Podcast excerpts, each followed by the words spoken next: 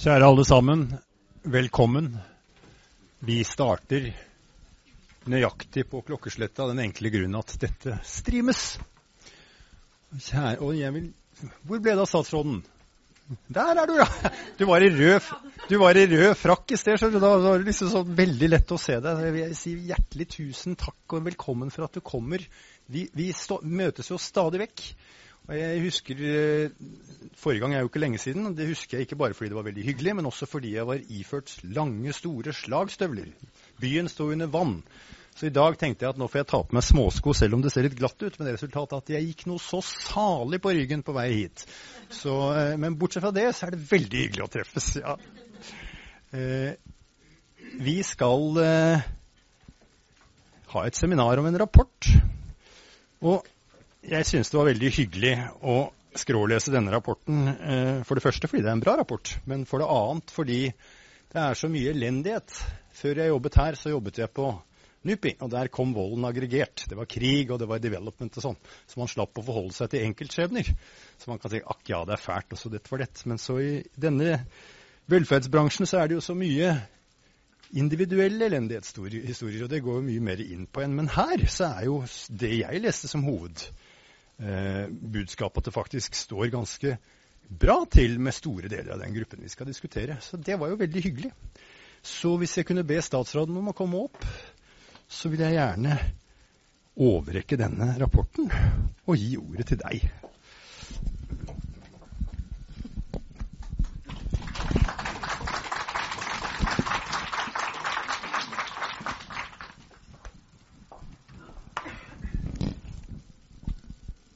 Trenger to mikrofoner, gjør jeg det? Dere hører meg bra nå? Tusen takk for um, en uh, veldig viktig rapport som jeg har sett frem til å motta. Og som jeg eh, ser frem til å lese, og som jeg skal bruke jula eh, på å lese. Og tusen takk for et godt stykke arbeid med å kartlegge eh, muligheter og hindringer som barn opplever. Barn i eh, familier med vedvarende eh, lavinntekt. Jeg ser eh, veldig frem til å sette meg inn i rapporten. Fordi som dere kjenner til, så er det arbeidet her viktig for regjeringa. Vi har sagt at det er en av de seks viktigste ambisjonene våre er å, å snu denne utviklinga. Og for å kunne sette inn de riktige tiltakene, så er vi nødt til å ha et godt kunnskapsgrunnlag. Og det eh, håper jeg, og det tror jeg, eh, vi har fått, eh, fått nå. Vi er jo veldig privilegert i det landet her. Vi er prega av økonomisk velstand og gode materielle levekår. Men så ser vi likevel at det er store forskjeller når det kommer til barn og unges oppvekstvilkår. Og vi ser at enkelte grupper, som barn av enslige forsørgere og barn med innvandrerbakgrunn, som er overrepresentert i statistikken over dem som vokser opp i familier med vedvarende lavinntekt. Det er ikke alle barn i lavinntektsfamilier som er utsatt. Det er viktig å, å, huske på. Mange barn klarer seg veldig godt. Og det tyder på at uh, de brede forebyggende tiltakene, som helsestasjon, som skole, som barnehage, de virker. Og det skal vi huske på i det arbeidet. Vi når likevel ikke alle. Og bekymringa er nettopp den gruppa som faller utenfor gjennom oppveksten og blir også fattig som voksen. For regjeringa er det derfor eh, prioritert, det er høyt prioritert, å um, bekjempe fattigdom. Og særlig så gjelder det for barnefamilier. Å redusere eh, fattigdommen, men ikke minst også sette en stopper for at neste generasjon skal oppleve en lignende situasjon. For målet er at et barn som vokser opp i lavinntektsfamilier, skal ha de samme mulighetene og den samme friheten til å skape sitt eget liv, sitt, sin egen framtid, som alle andre barn i Norge. De skal få god omsorg. De skal kunne bo trygt. De skulle kunne etablere stabile vennskap i oppveksten, de skal kunne ha håp, og de skal kunne føle seg verdifulle i samfunnet. Og For å få til det så trenger vi en god oversikt over hva forskninga per i dag kan si oss om følgene av å vokse opp i familier med svak økonomi. Vi trenger å vite hva som er relevant for norske forhold. Og Derfor så er kunnskapsoppsummeringa som vi mottar nå i dag, et veldig viktig bidrag i debatten om hva som skal til for å sikre barn like muligheter i oppveksten. Og nå som vi også vet mer om i hvilken grad og på hvilken måte lavinntekt og levekår påvirker barns utviklingsmuligheter, så kan vi svare også med målrettet politikk. Og Jeg kommer nettopp fra Askim, hvor jeg har besøkt barnevernstjenesten. Og Der fortalte barnevernstjenesten meg at det er vanskelig å gå inn og hjelpe en familie hvis boforholdene er helt forferdelige.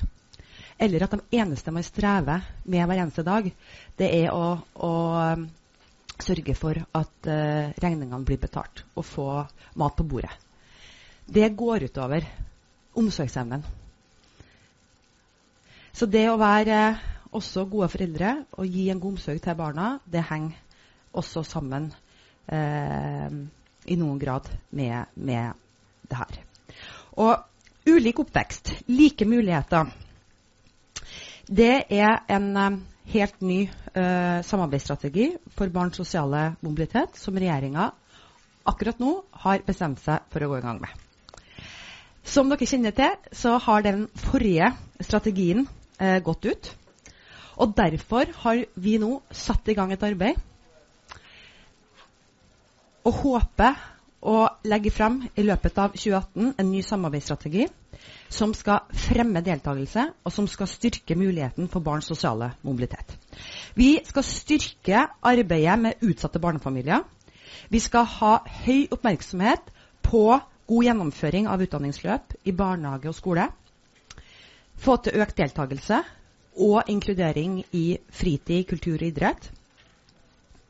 Gi et godt helsetilbud til alle og bedre tilgangen til arbeidslivet for ungdom, men ikke minst også for foreldrene deres.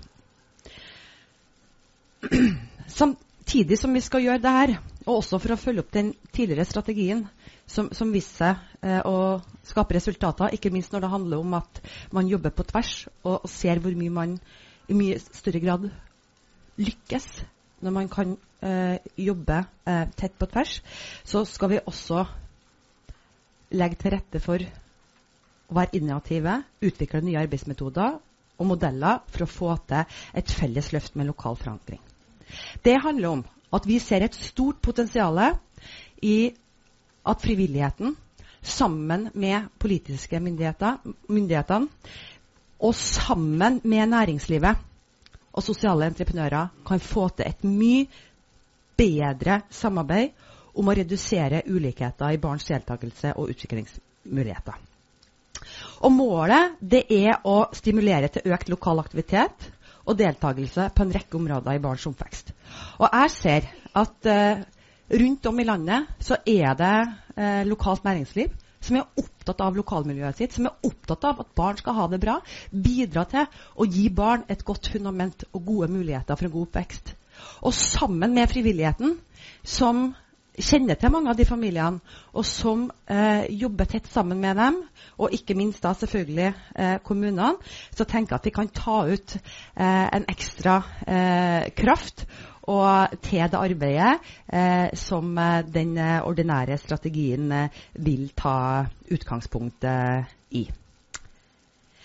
Vi forbedrer velferden ute i kommunene, styrker det sosiale sikkerhetsnettet eh, ved å prioritere rusomsorg, psykisk helse og innsats mot, eh, mot eh, fattigdom. Og det skal fortsatt være eh, bærebjelkene også i en ny strategi, som jeg gleder meg til å ta fatt på. Og hva er bedre da enn å ha dette kunnskapsgrunnlaget, som vil gi oss muligheten til å løfte fram eh, de eh, riktige tiltakene som vil virke for å motvirke videre barnefattigdom. Tusen takk for meg. Jeg gleder meg til å lese.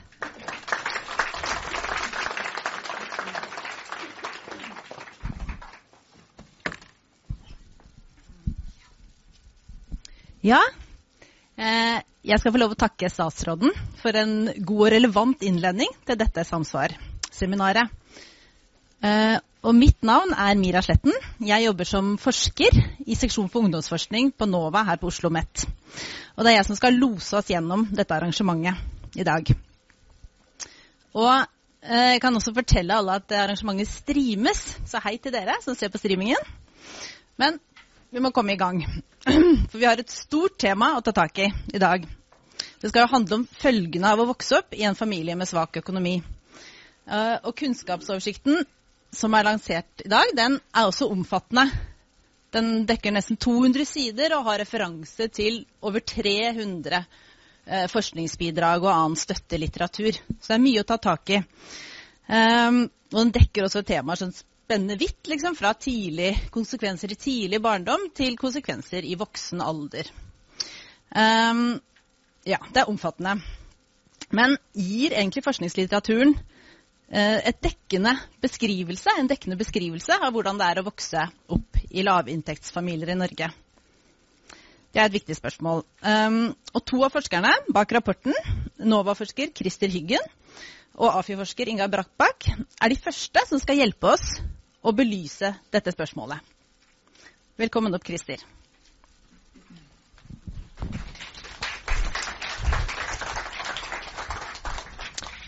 Takk, Mira. Det er uh, et stort felt. Vi har lest mye, uh, og jeg kommer til å snakke med ganske grove, grove ord i dag. Uh, må jeg bare beklage. Men sånn kommer det til å være. det er sånn at hvert tiende barn vokser opp i en lavinntektsfamilie i Norge.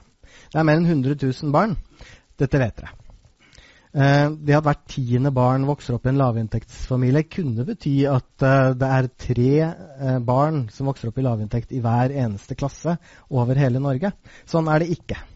Det er heller sånn at i noen klasser er det mange, i andre klasser er det færre.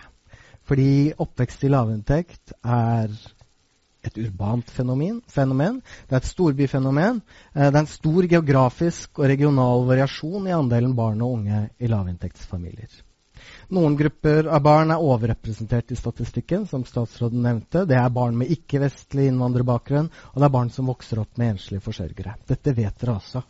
Men, men, hva betyr det å vokse opp i lavinntektsfamilier?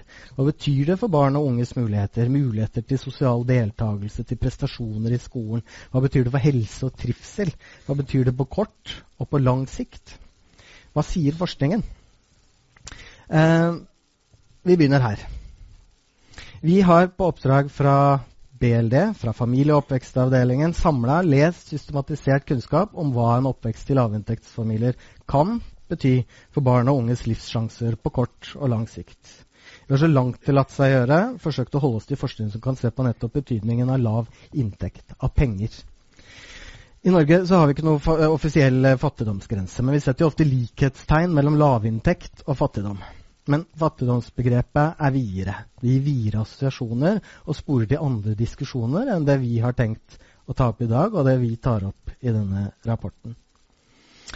Uh, vi har altså lett etter forskningsbasert kunnskap som kan si noe om muligheter og hindringer for barn som vokser opp i lavinntektsfamilier. Vi har lett og funnet forskning fra samfunnsvitenskapelige, medisinske tradisjoner, tverrfaglig, utdanningsvitenskapelig. Vi har lest, valgt og vraka etter et sett med ganske strenge kriterier. Så har vi endt opp med et betydelig bibliotek.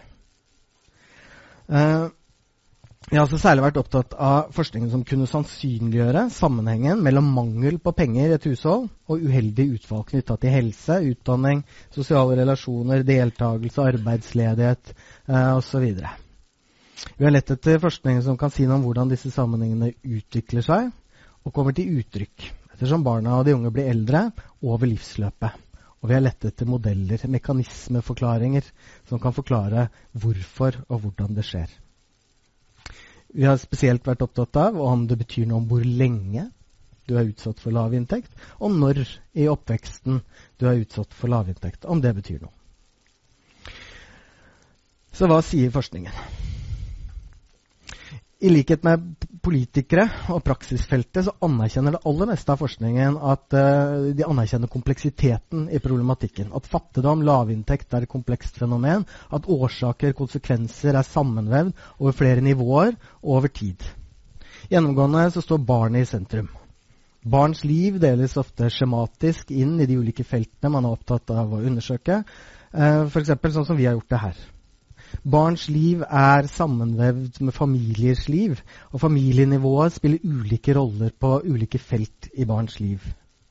Og familien er igjen innvevd i de omliggende samfunnsstrukturene og institusjonene. Dette er nivåer som kan påvirke eh, barns utviklingsmuligheter og livssjanser. Det er nabolag, det er skole, helsetjeneste, det er normer i samfunnet. Det er grad av ulikhet i, et, eh, i en nasjon eller der du bor. Det er sammensatt.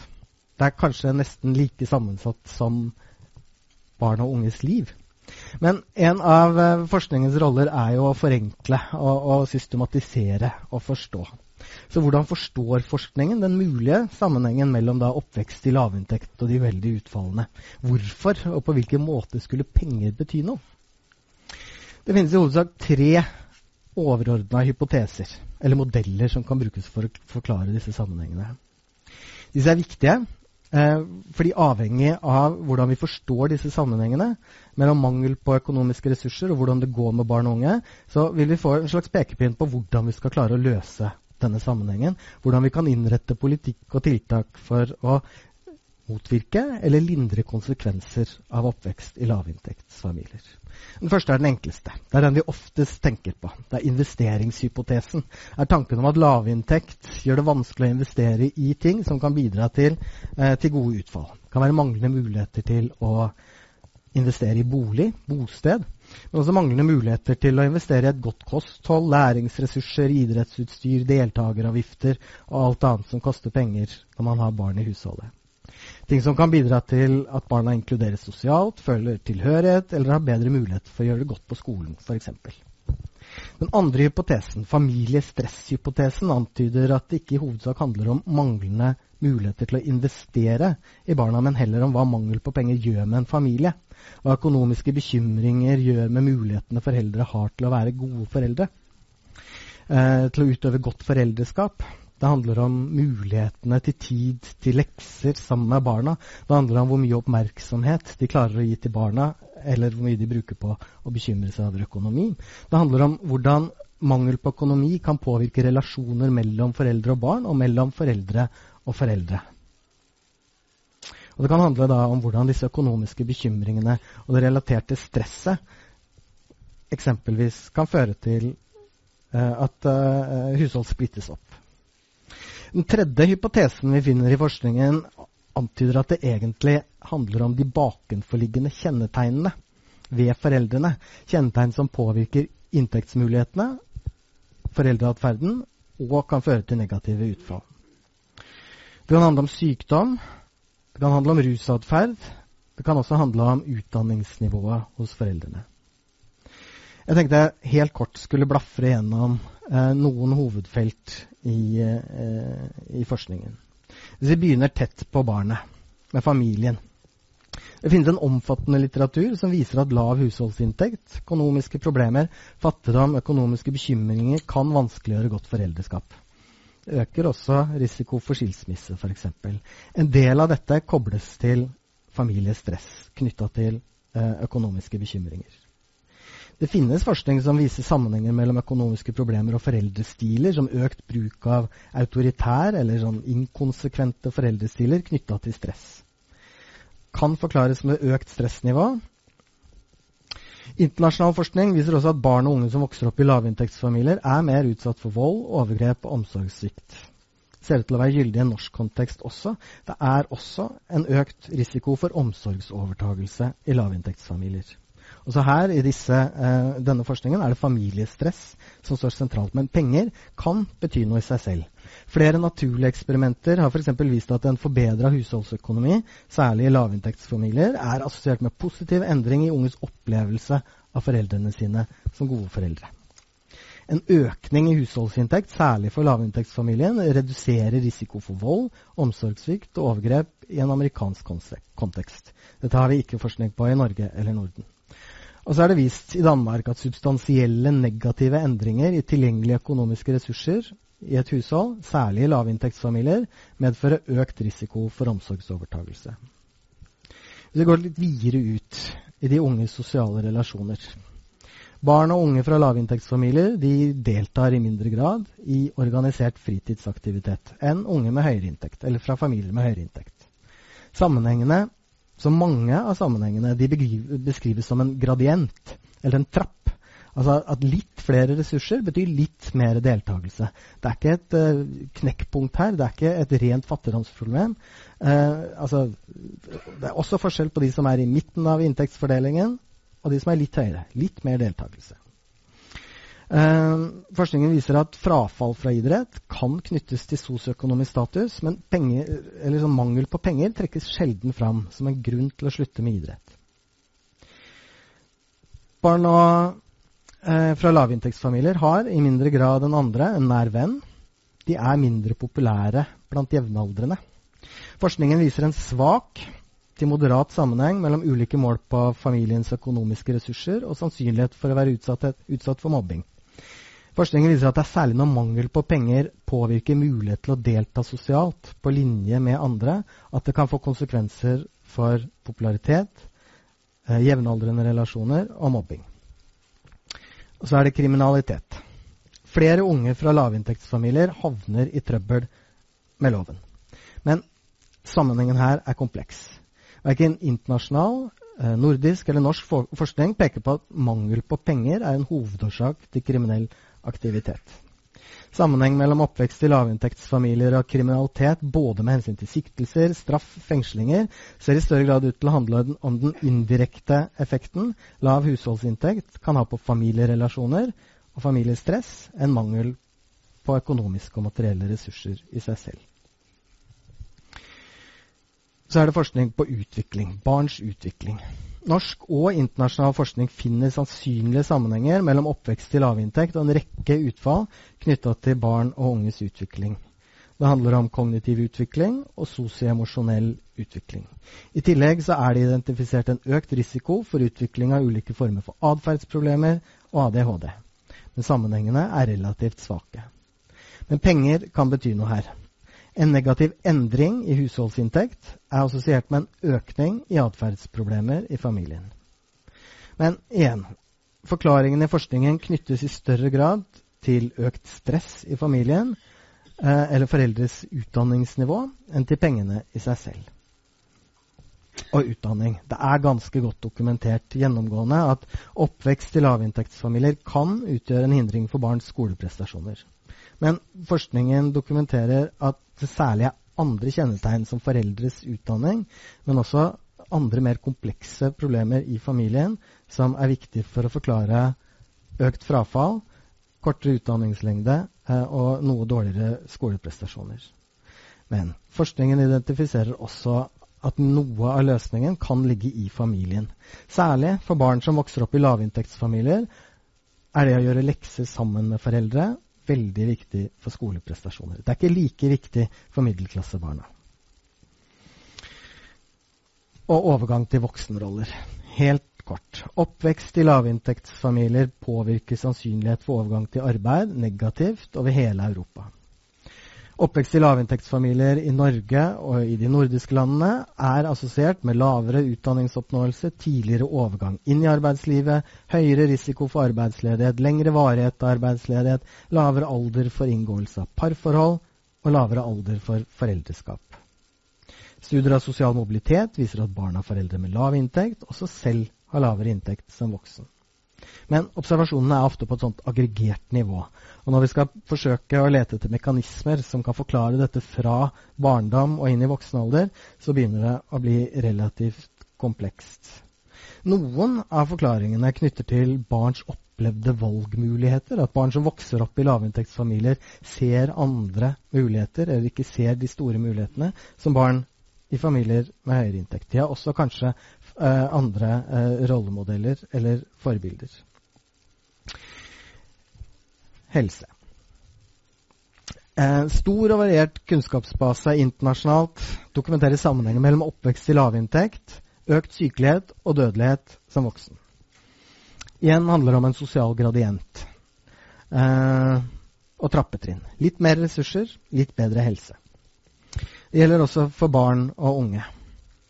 Det er omtrent dobbelt så vanlig for barn og unge fra familier med de laveste inntektene opplever daglige helseplager som barn og unge øh, fra familier med de høyeste inntektene.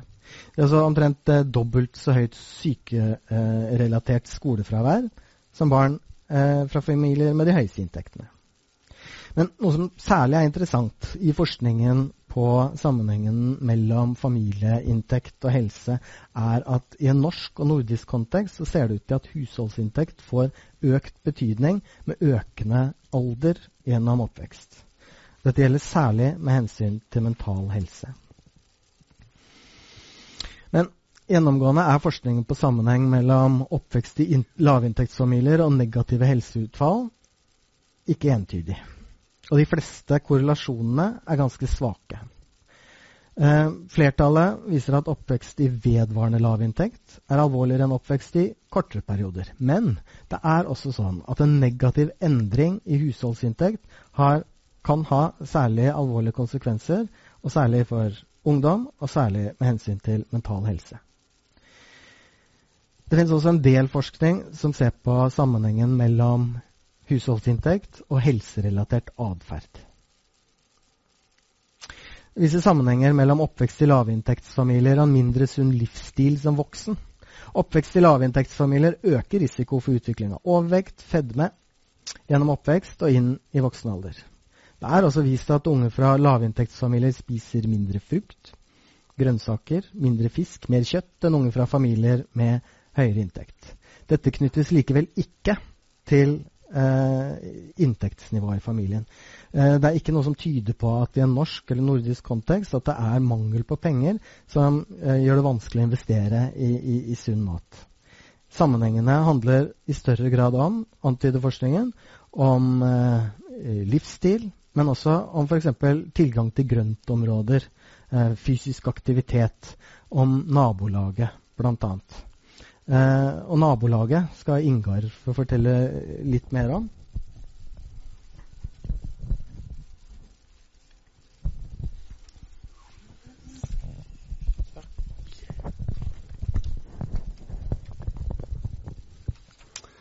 Ja. Um, Christer starta med å snakke om at uh, dette er et uh, urbant fenomen. Og det er sånn at i Norge så er det hvert tredje barn som vokser opp i vedvarende lavinntekt. De bor i en av landets seks største byer. Um, og det er også veldig stor intern variasjon i byene.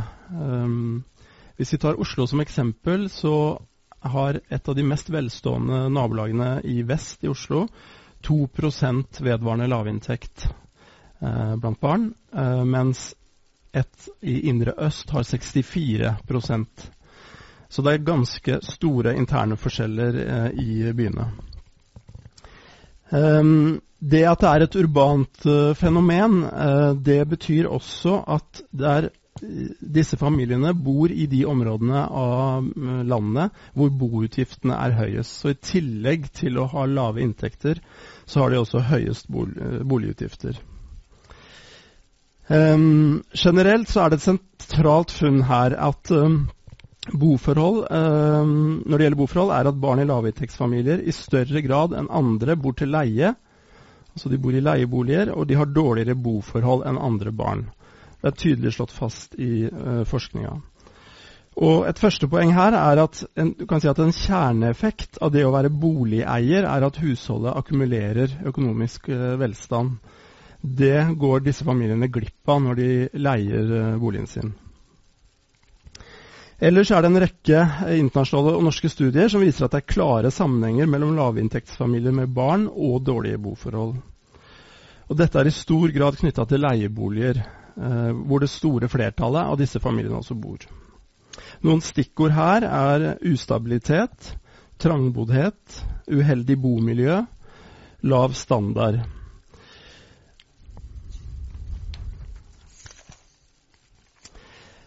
Um, og Flere av disse studiene viser også at nettopp dårlige boforhold har en negativ effekt på barn og unges livssjanser videre i livet. To stikkord her er flytting og trangboddhet. Å flytte mye medfører at barn og unge rykkes ut av skole og nærmiljø og mister viktige sosiale relasjoner og gjentatte ganger må etablere nye relasjoner og sosialiseres inn på nytt. Flytting og usikkerhet og frykt knytta til boligsituasjonen kan bidra til familiestress og uro for framtida blant barn og unge. Og Det gjelder særlig i de tilfellene som vi snakker om her, hvor flytting i mindre grad er ønska og noe familien har bestemt seg for å gjøre, eh, men i større grad er et resultat av eh, leiekontrakter som ikke fornyes, eh, økonomiske problemer som gjør at man også i ekstreme tilfeller står i fare for utkastelse fra leiligheten sin på ganske kort varsel. Um, i den delen av utleiemarkedet som mange lavinntektsfamilier bor, er det i tillegg da altså ekstra høye husleier. Dette er kanskje litt uh, overraskende for mange, men det er sånn at vi snakker her nesten om et eget segment i boligmarkedet. Eh, der utleier krever en kompensasjon for å huse en gruppe som veldig få andre ønsker å huse. Eh, og denne gruppa har dermed veldig begrensa muligheter til å finne en god eh, og trygg bolig. Dette blir omtalt i forskninga som økonomisk diskriminering av eh, utsatte barnefamilier. Å bo trangt kan ha en rekke uheldige konsekvenser for muligheten for å gjøre lekser, ha med venner hjem, og man tilbringer ofte mer tid utafor hjemmet. Det siste kan ha negative effekter hvis nærmiljøet i liten grad tilbyr gode og trygge arenaer for barn og unge. Uheldig bomiljø handler delvis om sammensetningen blant de nærmeste naboene i samme blokk eller bygård enten disse er kommunale eller private leieboere. Mye forskning peker på at de uheldige konsekvensene av at barnefamilier bor tett sammen med personer i aktiv rus og personer med psykiske lidelser, som også i perioder kan være utagerende og oppleves som truende for barn. Bomiljøet bringer oss over til det litt mer utvida nærmiljøet og såkalte nabolagseffekter. Internt i byene følger bosettingsmønsteret i stor grad de sosioøkonomiske og etniske eh, segregasjonsmønstrene. Områder med ressursfattigdom i eh, nabolaget eh, eh der man da har en opphopning av levekårsutfordringer, eh, gjør at mange barn har et dårligere oppvekstmiljø når man vokser opp i disse områdene og at de har da flere byrder og færre goder enn øvrige barn. I vår litteraturgjennomgang eh, så viser vi at nabolagseffekter for barn og unge generelt er veldig godt dokumentert, og at de går i både positiv og negativ retning. Oppvekststedet spiller en rolle for barn og unges livssjanser. Mens noen har drahjelp fra nabolaget sitt, eh, representerer oppvekststedet en ulempe for andre. Dessuten finner vi også studier som viser at barn og unge fra familier med lavere sosioøkonomisk posisjon påvirkes sterkest av nabolaget. Altså de, de, påvirkes sterkere enn de som kommer fra hjem eh, hvor foreldrene har høyere utdanning og inntekt. Og dette er et særlig viktig funn med tanke på situasjonen til barn og unge fra lavinntektsfamilier. Som i tillegg da altså ofte bor i områder med mer krevende oppvekstmiljø. Barnefamiliene med lavest inntekt er i større grad enn andre prisgitt de mest utsatte områdene internt i byene, og områder med høy andel kommunale og private utleieboliger. Et viktig funn, særlig for større byer, er derfor at mange barn i lavinntektsfamilier, i tillegg til å få med seg mindre ressurser hjemmefra, også ofte er utsatt for en høyere grad av kollektiv ressursfattigdom i nærmiljøet sitt. Eh, Bl.a. i form av høy, høyere andel utsatte naboer og dårlig fysisk utemiljø. Disse forholdene og sammenhengene er altså godt eh, dokumentert. Og eh, utfall for barn og unge, som det utfallet som er studert mest, er deres sosiale mobilitet. Altså man studerer hvordan oppvekst i et nabolag har påvirkning for hvilken utdanning man får, eh, hvilken inntekt eh, man får som voksen, og i hvilken grad man eh, kommer i arbeid eller ikke. Her er funnene ganske klare, og en metastudie som har tatt for seg 88 internasjonale studier, peker på fire sider ved lokalmiljøet som har en klar påvirkning på barn og unges utdanningsutfall. De fire sidene er omfanget av fattigdom og lavinntekt i nabolaget, lokale sosiale normer og holdninger knyttet til betydning av utdanning, andelen migrant- og etniske minoritetsgrupper og sosial uorden i nabolaget. Ellers finner vi også en rekke studier som viser at trekk ved nabolaget også påvirker helse, helseatferd, rusbruk, sosiale normer, avvikende atferd, kriminalitet og utsatthet for vold.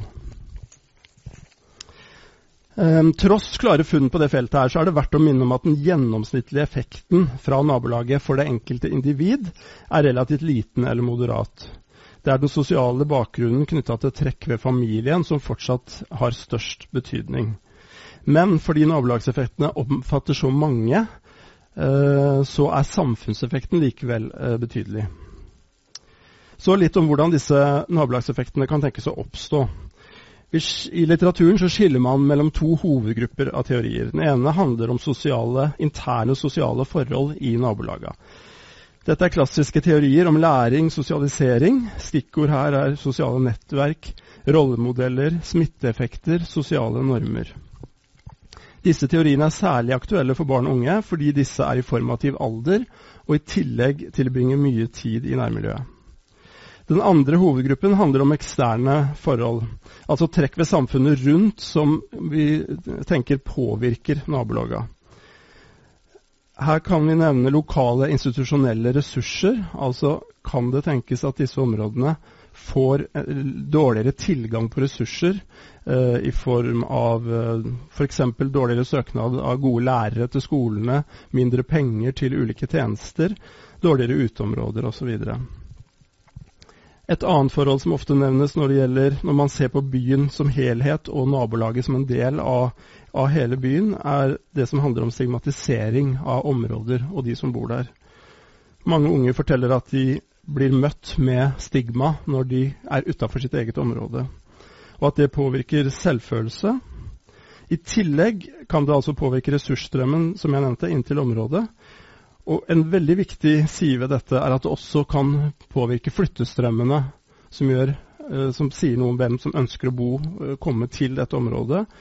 Og at det dermed også påvirker boligprisene, og så har man en, en negativ eh, runddans når det gjelder eh, segregasjon. Christer nevnte innledningsvis investeringshypotese og familiestresshypotese. Og Begge disse er relevante for å forstå mekanismene knyttet til hvordan boforhold og bosted kan ha konsekvenser for livssjanser. Å ha lav inntekt begrenser mulighetene betydelig når det gjelder valg av bolig og bosted, og inntektsfamilien har dermed i mindre grad økonomisk handlingsrom til å kjøpe gode boliger i gode nabolag med skoler som har høy kvalitet, noe som igjen da kan ses som en manglende evne til å investere i barnas framtidsmuligheter. Og dårlige boforhold og bo i et utsatt nabolag kan dessuten bidra til økt familiestress. Dårlige boforhold i form av trangboddhet, lav standard, usikre leiekontrakter kan være en kilde til bekymring og stress i familien. Det samme gjelder det å bo i et område hvor det er mye uro i bomiljøet, og hvor kvaliteten på nabolagets institusjoner og kollektive goder ofte, er lavere enn i øvrige byområder. Et spørsmål som det har vært knytta mye diskusjon rundt, er er det egentlig bedre for en barnefamilie med svake sosioøkonomiske ressurser å bo i et mer velstående område? Hvordan er det å ha lite der mange har mye? Dette berører også planlegging og bypolitikk knyttet til hvorvidt social mix eller sosialt blanda nabolag er noe vi bør etterstrebe. På dette feltet er det litt sprikende funn ut fra hvilke konsekvenser vi studerer. Hovedtendensen er at følelsen av utenforskap og skam ser ut til å være mer utbredt blant barn av lavinntektsfamilier som vokser opp i velstående nabolag, enn i øvrige nabolag. Og det gjelder særlig for guttene. Men på tross av dette ser det ut til at den sosiale mobiliteten deres likevel er sterkere ved oppvekst i et mer velstående nabolag enn i øvrige nabolag. Et interessant funn her, som både er gjort i Norge og Sverige, og som nyanserer dette bildet noe, er at det ikke ser ut til å være de aller mest velstående nabolagene i økonomisk forstand som fremmer sosial mobilitet sterkest, men mer sosialt blanda middelklassenabolag med høy grad av kulturell kapital. Et annet forhold som det er verdt å kommentere, er at eh, mange foreldre har et veldig bevisst forhold til at de bor i et område som har en del utfordringer. Eh, og vi snakker derfor om på en måte foreldremedierte effekter. Man altså setter inn noen beskyttelsesstrategier for å prøve å beskytte barna fra de mest uheldige sidene ved nabolaget.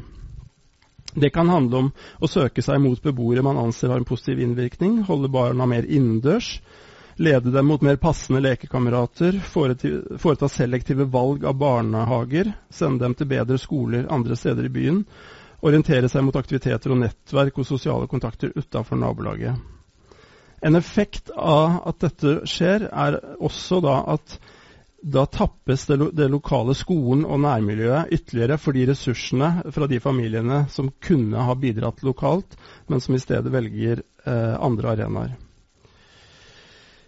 Og så er Det sånn at det ser ut til at de mest utsatte familiene i tillegg i mindre grad benytter sånne type beskyttelsesstrategier.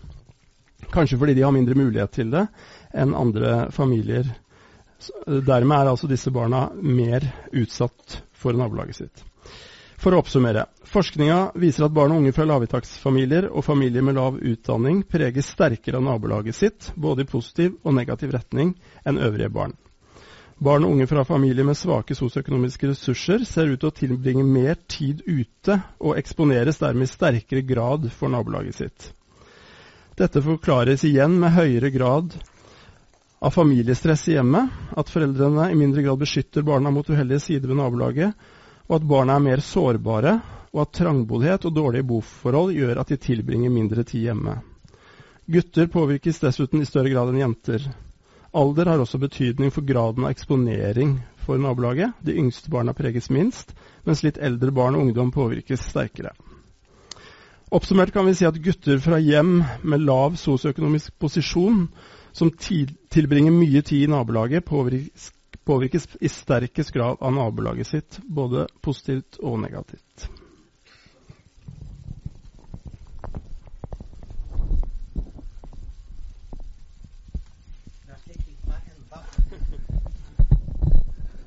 For hva betyr dette? Hva har vi lært? Hvor står forskningen? Eh, hvordan, skal vi, hvordan, skal vi, bruke dette til, til politikk? Eh, nå glemte jeg klokka mi, men jeg har kanskje ikke så mye tid igjen. Det går fint. Aha. Eh, det er et stort tilfang av forskning på området de siste ti årene. Eh, og denne nyere forskningen har lært oss ganske mye. Eh, vi har fått bedre data. Eh, nyere metoder, mer komplekst eh, teoritilfang har bidratt til et mer nyansert og bredere bilde uh, av de mulige konsekvensene av å vokse opp i lavinntektshushold. Uh, der longitudinelle data, altså hvor man følger folk over tid, har erstatta mer sånne øyeblikksbilder. Uh, det er jakten på kausale sammenhenger. altså er det en sammenheng her, eller er det bare en samvariasjon, som vi kaller det i forskningen?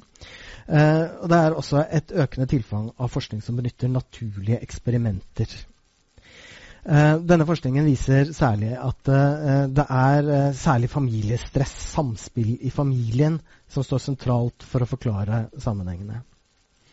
De økte forståelsene for de mekanismene som er i spill, det gir et bedre grunnlag for, for, for å kunne forstå hvordan vi kan motvirke de mulige uheldige konsekvensene.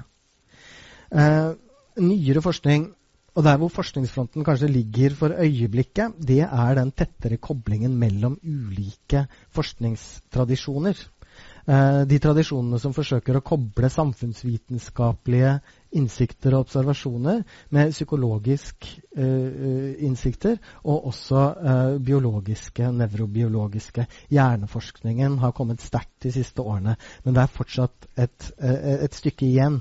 Dette er forskning som forsøker å, å, forstå og forklare hvordan fattigdomsopplevelser, opplevelser av deprivasjon, opplevelser av oppvekst i stress kommer inn under huden på, på, på barn og unge. Og I dette feltet så er det fortsatt en del uløste eh, diskusjoner.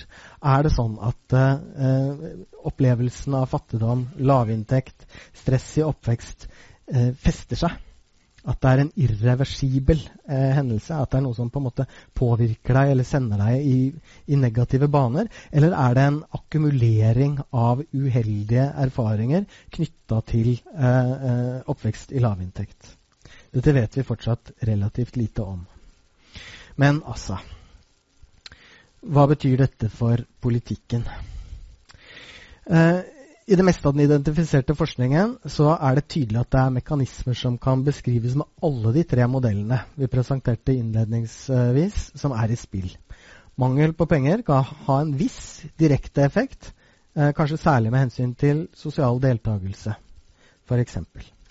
Men dette betyr at for å utvikle god politikk og gode tiltak for å motvirke negative konsekvenser av oppvekst i lavinntektsfamilier, må benytte helhetlige strategier.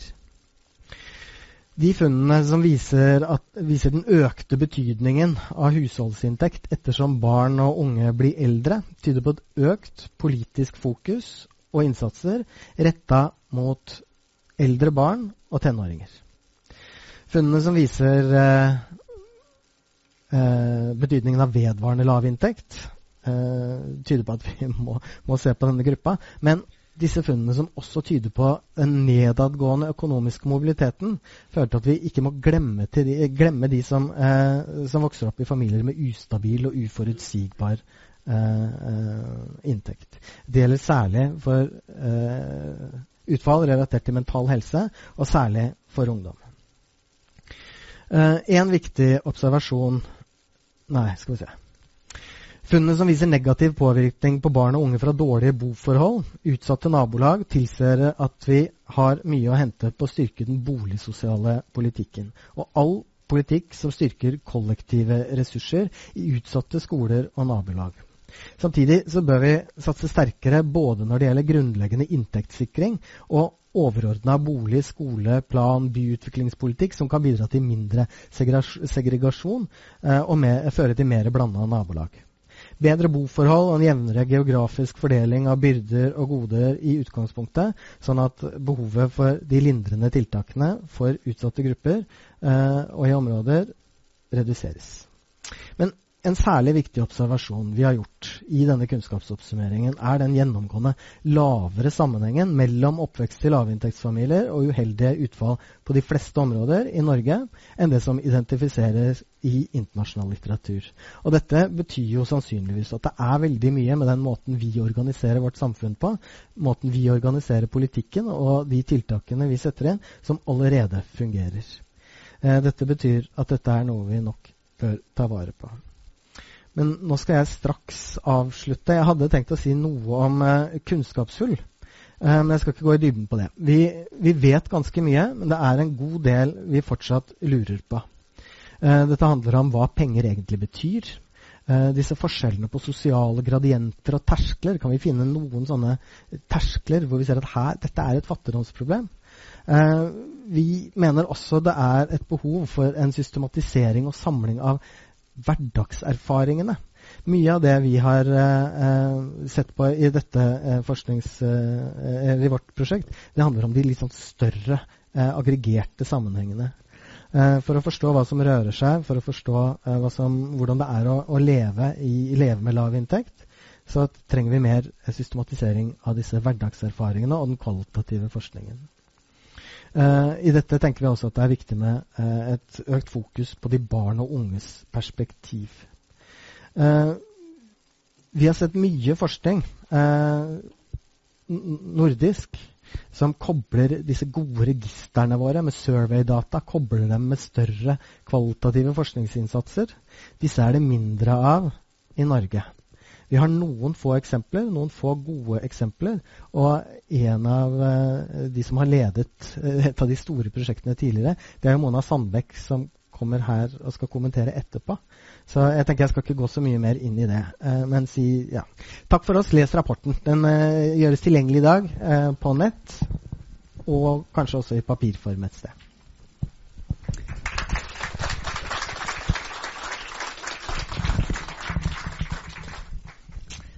For uh, interessante innlegg, Christer og Ingar.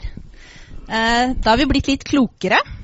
Um, vi har uh, Vi har lært at det å vokse opp i lavinntekt det kan ha konsekvenser på flere områder i livet. Uh, men hvordan de sammenhengene forklares, det kan variere avhengig av hvilken type utfall vi ser på, bl.a.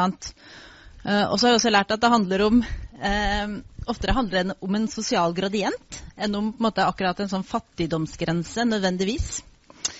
jeg plukka også opp at vi at noen uh, typer utfall er viktigere, uh, eller er mer tydelig blant eldre ungdom enn blant, eller blant ungdom, da, eldre barn, enn en blant de yngste. og at det her med livsløpet er et, et område der vi fremdeles ikke har nok kunnskap i hvordan de her konsekvensene og ja, det her å leve opp med, vokse opp med, med, i en inntektsfattig familie, hvordan det liksom utvikler seg over livsløpet. Men um, det skriver vi også i rapporten at det er et sammensatt fenomen uten enkle løsninger. Og vi skal få opp noen flere her i dag som skal hjelpe oss med å belyse dette problemet litt mer. For det første, som du nevnte, Christer, uh, professor i sosialt arbeid her ved Oslo OsloMet, Mona Sandbekk. Og hun har fulgt dette forskningsfeltet lenge og ledet en av de største eh, panelstudiene i Norge om eh, betydningen av familiens inntekt for, for, barn og unges levekår. Velkommen opp, Mona.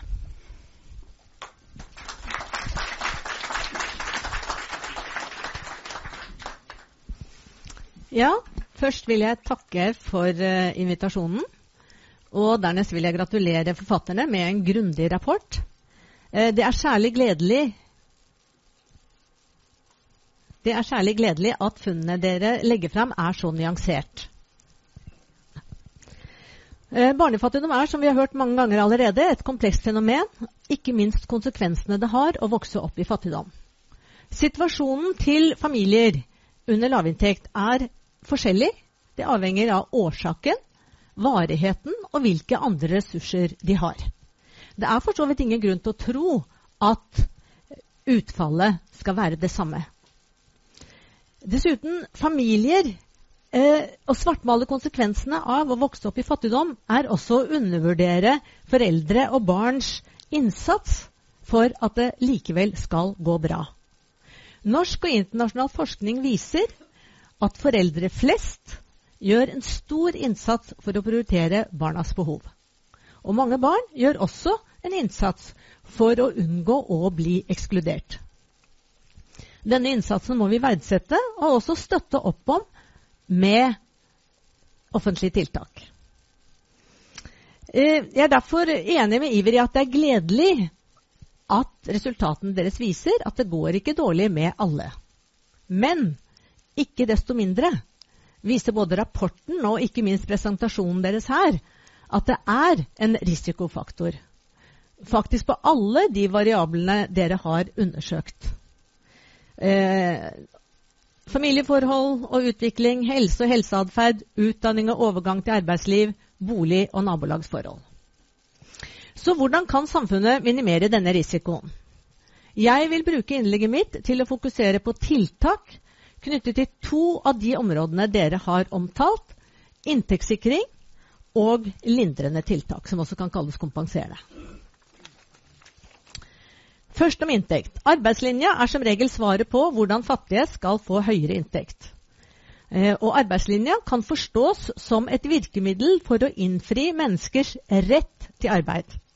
Vi snakker jo ofte om plikt til arbeid, men ifølge FNs menneskerettighetserklæring har mennesker også en rett til arbeid. Dessuten, fattigdomsforskning viser hvor gjerne de aller fleste vil forsørge seg selv og barna sine. Mange som lever med lav inntekt, søker ikke om tilleggsytelser som de har krav på. De låner av venner og familie, strever etter å tilbakebetale og vise gjensidighet der de kan. Eh, det at mennesker er i arbeid, er også en forutsetning for en bærekraftig velferdsstat. Så det er mange grunner til å støtte arbeidslinja. Men det er jo også noen problematiske sider. F.eks. retorikken. Det snakkes og skrives ofte som om alle kan få arbeid nå. Til tross for at det er godt dokumentert at alle får ikke innpass på arbeidsmarkedet. Det kan være grunnet helse, manglende norskferdigheter, mangel på utdanning eller en mismatch mellom utdanning og etterspørsel. Dette er en utfordring for eh, kvalifiseringsprogrammene. Motivasjon er et stikkord. For å motivere til arbeid kan man ikke få like mye utbetalt som ved ikke å arbeide. Nei, det er et viktig dilemma. Det skal lønne seg å arbeide. Men når det er dokumentert at mange ikke får arbeid uansett hvor motivert de er, da må vi også forholde oss til et annet dilemma. Hvor Ja, det går bra. Hvor lite penger skal foreldre og barn klare seg med? Stagnasjonen i overføringen av økonomiske midler til barnefamilier og økningen i antall barn under lavinntektsgrensen aktualiserer dette spørsmålet.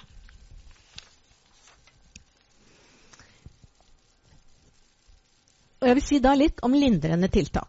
Altså I dag står lindrende tiltak forstått som tiltak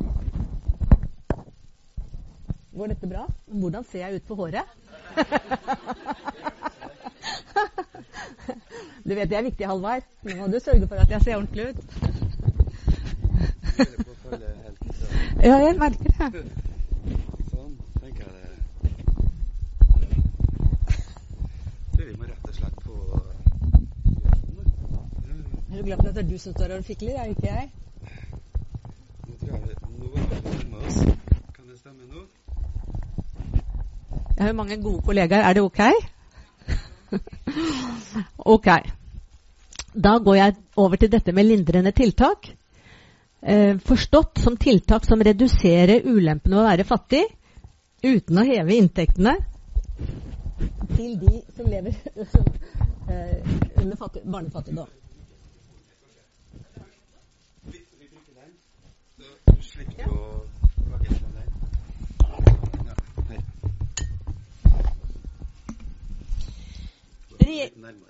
ja, regjeringens strategi for 2015-2017 er et godt eksempel. Her satses det på samordning av tjenester for utsatte barnefamilier, barnehage og skole, deltakelse og inkludering, helsetilbud, tilgang til arbeidsliv for ungdom og foreldre. Dette er utmerkede tiltak som jeg støtter fullt ut. Og det kan være grunn til å gi honnør for denne satsingen. Men det er alltid et men. Men det løser ikke dilemmaet med nivå på foreldres egen inntekt. Hva betyr det for barn og foreldre hvis foreldre knapt har råd til å betale for dem og deres aktiviteter? Therese Saltkjell viser den til den skandinaviske levekårstradisjonen hvor command over resources oppfattes som grunnleggende for menneskers mulighet til å realisere velferd. I Europarådet og EUs retningslinjer for godt foreldreskap, i tråd med Barnekonvensjonen, legges det også avgjørende vekt på å sikre familiens materielle rammebetingelser. EUs Recommendation 2013, 'Investing in Children', og Europarådets rekommandasjon om 'Policy to Support Positive Parenting' er helt klare på at det å forsørge barna sine økonomisk er en del av det å være deres primære omsorgspersoner. Og Jeg vil da gå tilbake til et poeng fra innledningen min. Forskning viser at de fleste foreldre med lav inntekt ønsker, akkurat som foreldre som ikke har lav inntekt, å forsørge seg selv og barna sine.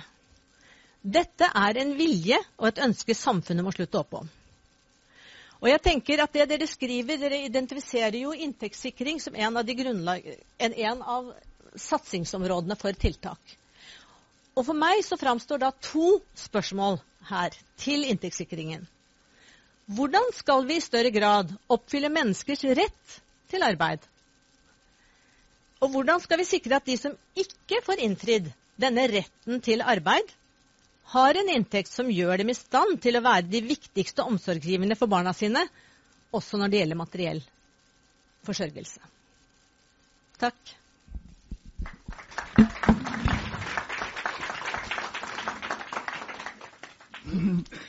Ja, da hadde vi i det opprinnelige programmet også et innlegg fra Stine Kristiansen fra Røde Kors, som dessverre har hatt et sykdomsforfall. Eh, men heldigvis så har vi et eh, ganske annet perspektiv her i dag eh, enn det Mona kan bidra med. En som jobber tett med barn og unge i en bydel med høy andel av familier med lav inntekt, det er Reinert Midthassel. Eh, du er leder for Deichman Biblo, eh, altså Tøyens fantastiske bibliotek for målgruppen mellom 10 og 15 år. Og som også Det tilbudet er også utvikla i tett dialog med barn og unge. Så da skal du få ordet. Ja, vil du ha? Ja, ja. Jeg prøver meg. Ja. Jeg har mer sånn utstående ører, så da går det bra. Um, jeg ble liksom ikke så oppløfta som uh, Iver liksom la an til ved introduksjonen sin, at dette går jo slett ikke så gærent. Jeg syns egentlig det går veldig gærent, jeg. Uh, det er jo trist å være fattig, og så skal man i tillegg ha alle disse følgevirkningene, og det påvirker alle sider av livet hele resten av livet. Så jeg syns det er ganske forstemmende. Og så tenker jeg hva, hva kan vi gjøre uh, med dette? Og selvfølgelig så er det jo ålreit da å prøve å få gjort det slik at uh, folk tjener nok penger, da.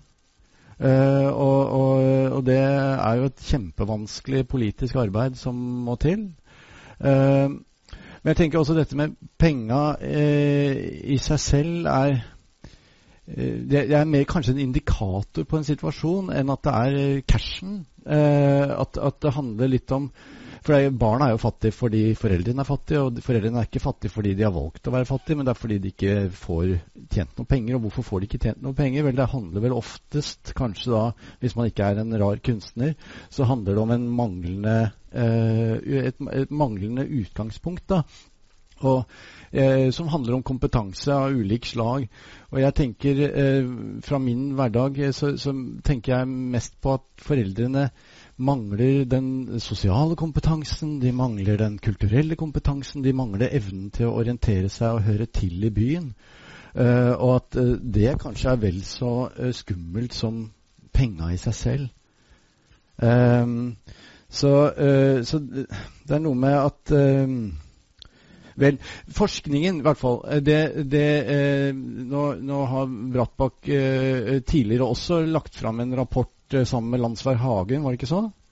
Uh, og, og, og, det var egentlig utgangspunktet, tror jeg, til at Biblo uh, ble noe av. Så det er litt kult at man ser at det er Hvis man får ting svart på hvitt, og gjerne at det står i avisa, så syns politikerne at dette her kan vi ikke leve med. Og der Dere skrev noe sånt som at det var en tredjedel av barna som vokser opp på Tøyen, som er under Unescos fattigdomsgrense. Så det er jo en grense. Noe sånt nå? der omkring. ja. Så, eh, så, og, og det, det, ville politikerne gjøre noe med, og derfor har vi bygget da eh, et, et, eh, bibliotek som en form for instrumentell innsats, som et avbøtende tiltak på barnas situasjon. Uh, og det står vi i uh, hver dag. Jeg er ikke noen sånn fagperson, så jeg føler meg litt sånn ydmyk her. For jeg er bare en sånn uh, glad amatør som, som har nærmet meg dette fra et praktisk ståsted, og ikke fra et sånn tungt faglig, akademisk bakgrunn. Men det er liksom noe med basiskompetanse som jeg merker at barna mangler. De har et lavere kompetansenivå. De kan ikke holde en saks. Ikke sant? Altså de, de, de, det, er en, det, er en, del ting som er sånn basic, som, som, de mangler i hverdagen, og som vi ser er veldig viktig for oss å bidra med. Og som vi, vi ser at vi har en effekt. Vi ser i øynene deres at vi forandrer faktisk fremtiden deres eh, i hverdagen på biblioteket. sånn at vi, vi Jeg vet at vi bidrar. Eh, men er, spørsmålet er om det er nok. Det er, det er nok mer som må til. og jeg jeg tror det var forfatteren Neil Gaiman hvis dere har hørt om han, han støtte på noen folk som drev og utvikla fengsler i New York. Som, eh, som, på samme måte som man utvikler skoler i forhold til en forventet uh, behov. Uh, uh, som man da prøvde også å finne ut av hva slags fengselskapasitet trenger man om ti år. Og, og, de hadde da sagt at jo, det er ikke så vanskelig å beregne det, for det er bare å se på hvor mange elleveåringer som er dårlige lesere. Det er dårlig til å lese.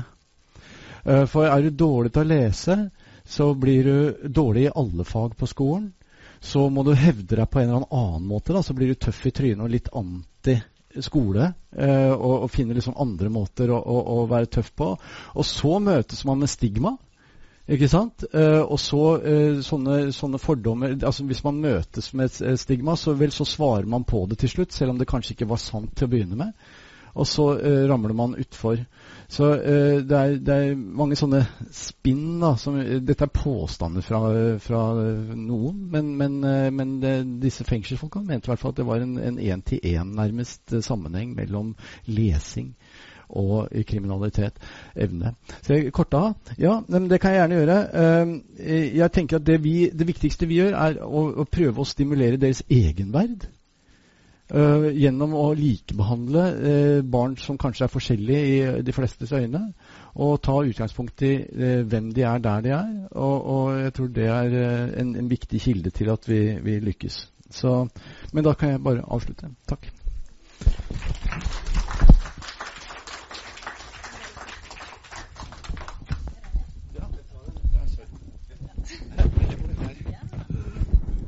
Skal vi ta en liten skifte her. Sann. Eh, Reinert og Mona, kan dere komme opp og sette dere her? Oi sann. Vi sier takk til dere begge to. Um, jeg opplevde at du, Mona, din løsning, eller ditt hovedbudskap til uh, rapportforfatterne var at, uh, at vi må ikke glemme at vi også må gjøre foreldrene økonomisk i stand til å være gode foreldre, eller ta vare på foreldreansvaret sitt. Mens ditt hovedbudskap, Reinert, det var mer å satse på at du også må satse på de kompenserende arenaene. At det er ikke nok å bare satse på familien. Mm. Eh, da skal vi gå over til den litt løsere delen av eh, arrangementet. Eh, vi skal ha en paneldebatt. Og vi skal få opp eh, Christer og Ingar fra tidligere igjen. Og så skal vi også få opp SIFO-forsker eh, eh, Elling Borgerås, som er den eh, tredje forfatteren bak Kunnskapsoversikten, og som i flere år har vært sentral i utviklingen av SIFOs forbruksbaserte fattigdomsmål.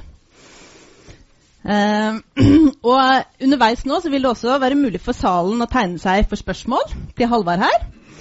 Eh, men jeg tenkte jeg skulle begynne eh, med noen spørsmål selv. Eh, jeg tenkte å begynne med et spørsmål eh, til deg, Elling. Eh, for på en måte å begynne med det, det første først. Altså, som kanskje er det som vi tenker er det enkleste spørsmålet. På en måte, og um, hvordan vi anslår hvor mange barn og unge som bor i lavinntektsfamilier. Jeg lurer på om du kan reflektere litt rundt om forskningen som foreligger i dag, er god nok til å gi et godt bilde av hvor stort problemet er eh, på dette området. Nei, jeg tror vel at et, sånt, et hovedproblem også i dette arbeidet vi har gjort, det er jo at vi har et lavinntektsbegrep som blir for løst. Eh, hører jeg snakket? Ta den på. At vi har et lavinntekt som er for løst og for upresist. Det gjelder også når vi skulle se på konsekvenser av det å leve i, i lavinntekt. Så, så er det liksom usikkert hva, hva, hva denne lavinntekten sier. Og det nærmest vi kommer, det vet vel alle sammen, det er jo og som byrået bruker på lavinntekt, permanent lavinntekt, det er EU-målet med 60 av medianinntekten. Eh, som er egentlig et godt, eh, et godt eh, ulikhetsmål, men som sier egentlig veldig lite om eh, situasjonen til de som befinner seg under det lavinntektsmålet. Sånn at, eh, og, og mye av, forskningen vi har sett der, også når vi ser at det er relativt lave assosiasjoner mellom, mellom det å leve i lavinntekt og, og, og en del sånne uheldige utfall, så skyldes nok det, tror jeg, at vi har litt sånn for upresist begrep om eh, lavinntekten. Og jeg er som Mona er veldig opptatt av inntektssikring. Og det er klart at skal vi ha en type inntektssikring, så må vi iallfall sørge for at vi har et inntektsbegrep altså, som sier noe om, om lavinntekt, og som er en sånn, si, nødvendig grense for å kunne klare seg i, hverdagen. Og, og SIFO og, og jeg har vel også jobbet ganske mye med å, på en måte prøve å utvikle et sånn forbruksbasert eh, inntektsmål. da. Jeg vet ikke om en kommer så veldig mye lenger, men, men, men, men det, det gir iallfall kanskje noe det gir en substansiell begrunnelse for å sette dette, dette inntektsmålet. Dette EU-målet er skal gå i detalj på det. Det er medianen. også Når vi da ser at uh, når uh, Portugal opplevde krise midten av 2000-tallet, så sank andel fattige barn ganske radikalt, eller falt. Og det var jo fordi at medianinntekten gikk ned. Det samme så vi på Island i 2008. sånn at det er en sånn veldig sånn mekanisk kobling mellom, mellom lavinntekt og, og, og, og inntektsnivået i, i Norge. Da. Men er det, er det, de målene vi bruker som gjør at Iver, som innledet her i dag, blir oppstemt over uh, de resultatene vi finner, eller er det ja, kanskje. Altså, det er jo noe med at når, da, når det er 100 000 fattige barn i Norge eh, eh, som lever under 60 av medianinntekten eh, og Når jeg da leser det, så tenker jeg at da er det fattige barn det er barn som har det ille. Og de har det så ille at vi må hjelpe dem. Og Når vi da går inn og ser på forskningen, så ser vi det at det er jo på langt nær de som lever under denne grensen, som har det ille. Og da tenker jeg, ikke sant, altså, det, det, blir noe sånn assosiasjoner. Det 10 uh, fattige barn gir noen sånne uheldige assosiasjoner. Og Derfor så, så blir vi litt overraska over at ikke det er noen sånne klare sammenhenger. Ja. Kanskje Mona har lyst til å utdype på det, som har jobba nettopp med, med, måling, eller det der sammenhengene mellom de med registerdataene vi har på lavinntekt og situasjonen for barn og unge, både fra deres perspektiv og fra foreldrenes? Mm. Uh, ja, men først må jeg bare si at jeg er jo også for å styrke foreldrenes økonomiske uh, situasjon. Men jeg er også for å kompenserende tiltak. Jeg er ikke en person som sier bare én ting. Det er flere jeg bare si det, at de trenger begge deler. Men jeg syns at inntektssituasjonen til, uh, til, foreldre i denne gruppen er oversett. Og det jeg nå, fikk jeg nå anledningen til å bøte litt på.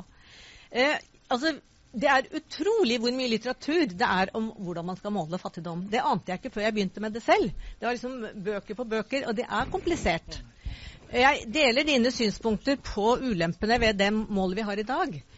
Fordelen med det målet er at det krever at, Eller det tvinger oss til hele tiden å være Nærmere. Nærmere. Tvinger oss til hele tiden å være oppmerksom på utviklingen i Norge.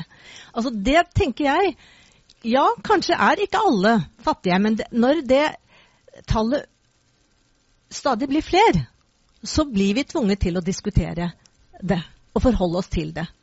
Eh, sånn at det er en fordel. Eh, og for meg så er det da slik at jeg forventer jeg likevel ikke ut fra det jeg sa i stad, om at situasjonen er forskjellig. Det er jeg helt enig i. og Derfor forventer jeg ikke at alle skal få det dårlig. Men jeg syns jo du var veldig klar på at, at du syns resultatene var nedslående. sånn at dette er jo noe det er godt for oss å være litt oppmerksom på. Ja, Er dette bra resultater? Eller når vi kan se de gjennomgangene deres. For da kjente jeg også at, at det er ikke bare bare å være fattig og i tillegg stå utfor disse oppfordringene. Så dette var et typisk sånn ja, det er vanskelig svar. Altså Det er fordeler, syns jeg, med lavinntektsgrensen vi har. Eh, og vi kan likevel ikke tro at den kanskje fanger alt Altså vi må ha flere mål, tenker jeg. Ja. Mm. Takk. Vil noen andre utdype, eller? Nei? jeg tenkte jeg også skulle ta tak i det her. Vil utdype litt først? Mm. Ja, altså vi må jo ha i alle fall... Ta den, kan du ta den nærmere, Elling? Hvis vi snakker om inntektssikring, så må vi iallfall ha eh, beregne en inn, altså Hvis vi skal overføre ja. midler til de fattige, for å si det sånn, så må vi også overføre konkrete beløp. Og da overfører vi ikke 60% av medianinntekten til alle som er fattige. ikke sant? Sånn at det er noe med å være litt sånn konkret og litt spesifikk i forhold til når vi snakker om lavinntekt. Men jeg er helt enig i at lavinntektsmålet er et effektivt mål, og det sier noe om utviklingen av ulikhet. Og det identifiserer også to ganske store problemer med den norske velferdsstaten. Det ene er enslige forsørgere eh, som er overrepresentert. Og det sier meg noe om at her er det si, noen strukturelle problemer eh, i forhold Altså velferdsstaten fungerer ikke i forhold til enslige foreldre. Det er for mange av dem som, som, som har problemer. Og det er et strukturelt problem i forhold til innvandrere. Sånn at det, det, er ikke bare snakk om å, om å ha noen kompenserende tiltak overfor de enkelte, men her er faktisk snakk om å gjøre noe om hvordan den norske velferdsstaten fungerer i forhold til enslige forsørgere. Og kanskje først og fremst kvinnelige enslige forsørgere. Det er vel de som er utsatt. Så, så, så det er sammensatt, og jeg er ikke mot dette inntektsbegrepet, men jeg er mot å kalle 60% av medianinntekten for fattigdom. For da er det som, som, Stein Ringen sier, at vi forventer at folk er fattige. At de faktisk også da lever som fattige. At de har problemer med å skaffe seg ressurser fordi de ikke har tilstrekkelig med inntekt. Og flertallet, Det store flertallet av de som befinner seg faktisk det store flertallet av de som befinner seg under 60 av medianinntekten, de lever ikke og oppfører seg ikke som fattige. Hvis vi tar tak i det her med hva, hva inntekt betyr, hva penger betyr, da, litt mer. Eh, Christer, du eh, Hvis vi skal ta tak i eh, noe av det som er aktuell i den politiske debatten i dag. Neste år så skal barnetrygden økes. For første gang siden 1996. Eh, og for, selv for KrF har et viktig argument bak dette vært eh, å redusere barnefattigdommen. Eh, og Du snakket tidligere i dag om hva forskningen sier om betydningen av penger i seg selv. Basert på det du vet fra, fra, forskningen, hva tenker du at vi får ut av å gi litt mer penger til barnefamiliene på denne måten? Eh, litt vanskelig, og det er vel kanskje begrensa hva man kan oppnå eh, med Er det 80 kroner i måneden? Eh, eller noe sånt noe? Men det er jo det er et viktig signal. Et viktig signal om at vi tenker at eh, penger betyr noe. Eh, det kan kanskje eh, Vi vet jo at dette med ustabil og uforutsigbar inntekt er viktig for grad av familiestress. Så hvis dette kan føre til en økt stabilitet eller forutsigbarhet i, i inntekten i familien, så tenker jeg det kan, eh, kan absolutt være, være positivt. Mm. Ja. Bare send den videre til Ja. ja. Mm. Vi kan, uh, kan, høre Er det noen spørsmål fra salen? Ikke Ingen som har tegnet seg ennå? Ja. Vi kan ta et spørsmål fra salen, og så kan vi ta det ditt innlegg, Mona. Vær så god. Nei. Ja. Er den på? Ja, bare, bare still spørsmål, du. Ja. Eh, takk for en veldig fin eh, gjennomgang. og Det skal bli veldig spennende å lese denne rapporten.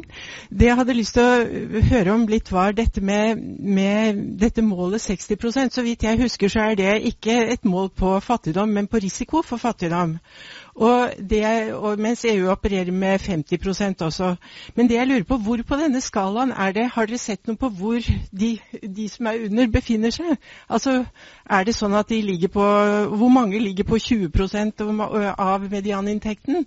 For det vil jo være interessant å se om det er Nå snakker vi nærmest som om alle befinner seg oppunder 60 og, det, og det, det, er kanskje en svakhet med målemetoden eller de data man har, men det kunne være interessant å høre om dere ser noen forskjeller ut fra hva inntekten faktisk består i.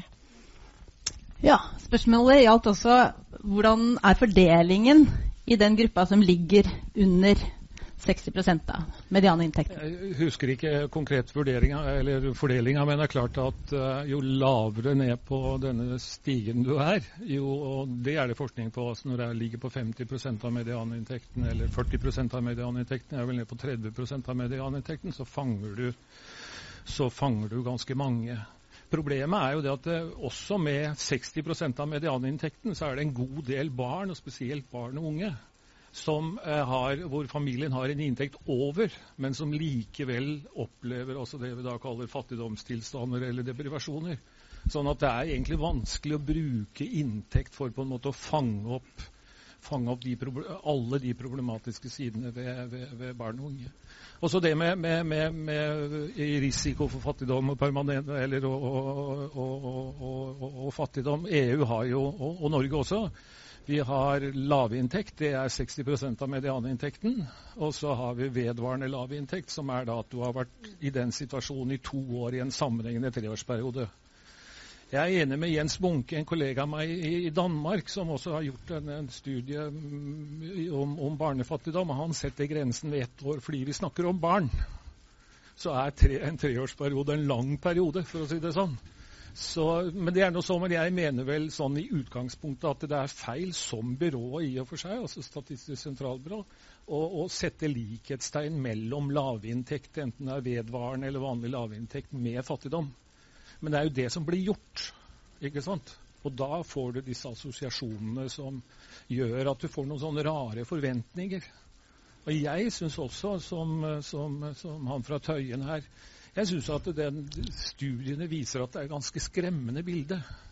Men samtidig så har du liksom en forestilling om at det er så mange at, uh, at uh, problemet kanskje var enda større enn det det er.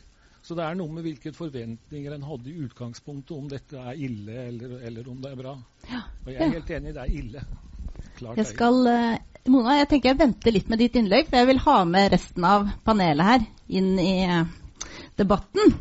Jeg tenker Altså Barnetrygd er jo en type universell ordning. Eh, men en annen måte å tenke universelle tiltak på, det er jo å støtte åpne, åpne møteplasser, billig eller gratis fritidstilbud, gratis kjernetid i barnehagen, gratis aktivitetsskole eller skolefritidsordning.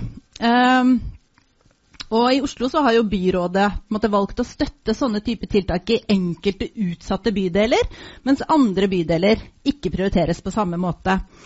Eh, og Her er det jo politisk uenighet, og vi skal ikke gå inn i den debatten. Men eh, jeg tenkte det hadde vært interessant å høre eh, hva du, Ingar, og, og du, Reinert, som har erfaringer fra det feltet, mener om den typen universelle eller geografisk spesifikke tiltak, kontra at man er mer målretta på de enkeltindividene som på en måte uh, trenger hjelp, eller enkeltfamiliene, da.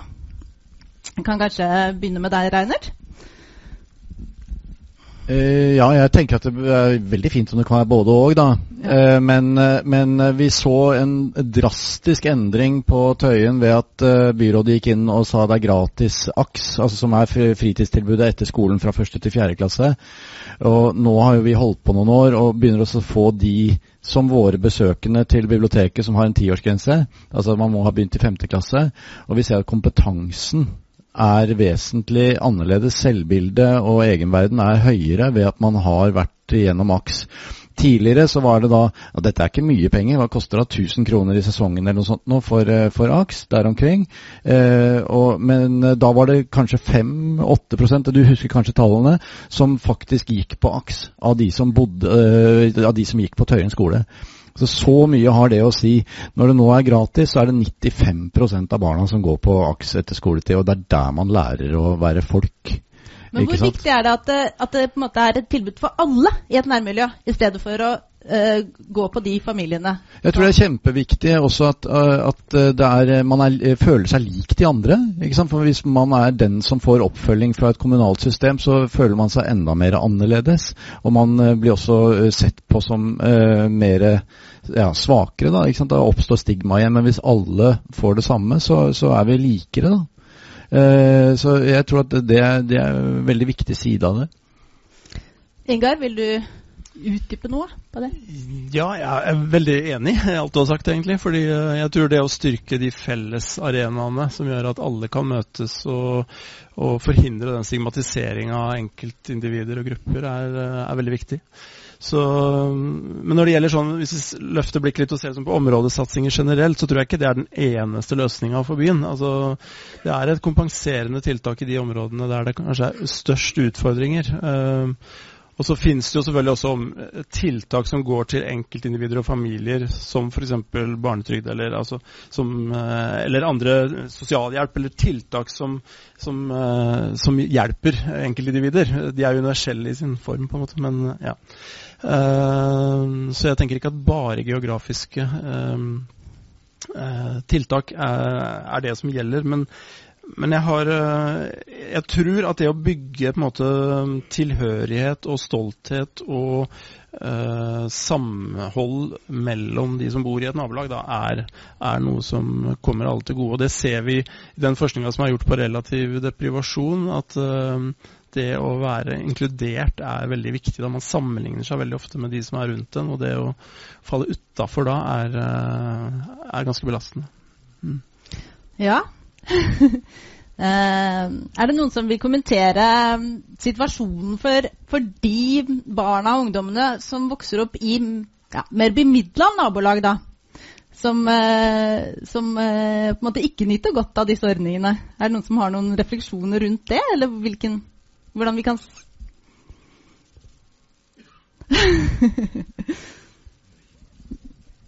Ingen i salen her heller?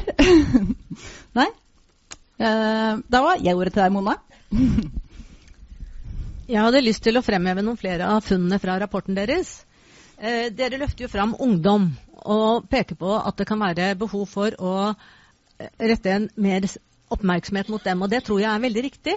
Mye av satsingen har vært rettet mot mindre barn. Eh, og det kan, er ikke så vanskelig å tenke seg at det ikke blir noe mindre sårbart å være fattig etter hvert som man vokser til. Så det syns jeg er bra. Også det samme at dere peker på dette med eh, familie med stabil, eh, ustabil inntekt. Fordi det er, det er om dette spørsmålet om hvor mange er over og under 60% Men det er også sånn mange beveger seg litt over, men ikke veldig mye. Eh, så vi en oppfølgingsstudie fra Barns levekår. og Da er det interessant hva betyr det når de er bare litt over. Og også disse som går opp og ned. Så det med ustabil inntekt er viktig. Mm. Og så tenkte jeg på dette med nabolag. Da vi arbeidet med Barns uh, levekårprosjektet, i den første rapporten, så eh, skrev Kari Stefansen mye om ulempene ved leieboliger. Jeg vil ikke si at det var ukjent, men det var kanskje ikke så systematisk dokumentert da. Det er veldig likt det som, du, som dere beskriver. Altså det at det fortsatt er så belastende å bo i leieboliger. Og boligsituasjonen, hvor mye den har å bety, det, er, det kan nesten ikke bli tydeliggjort nok, syns jeg. Ja.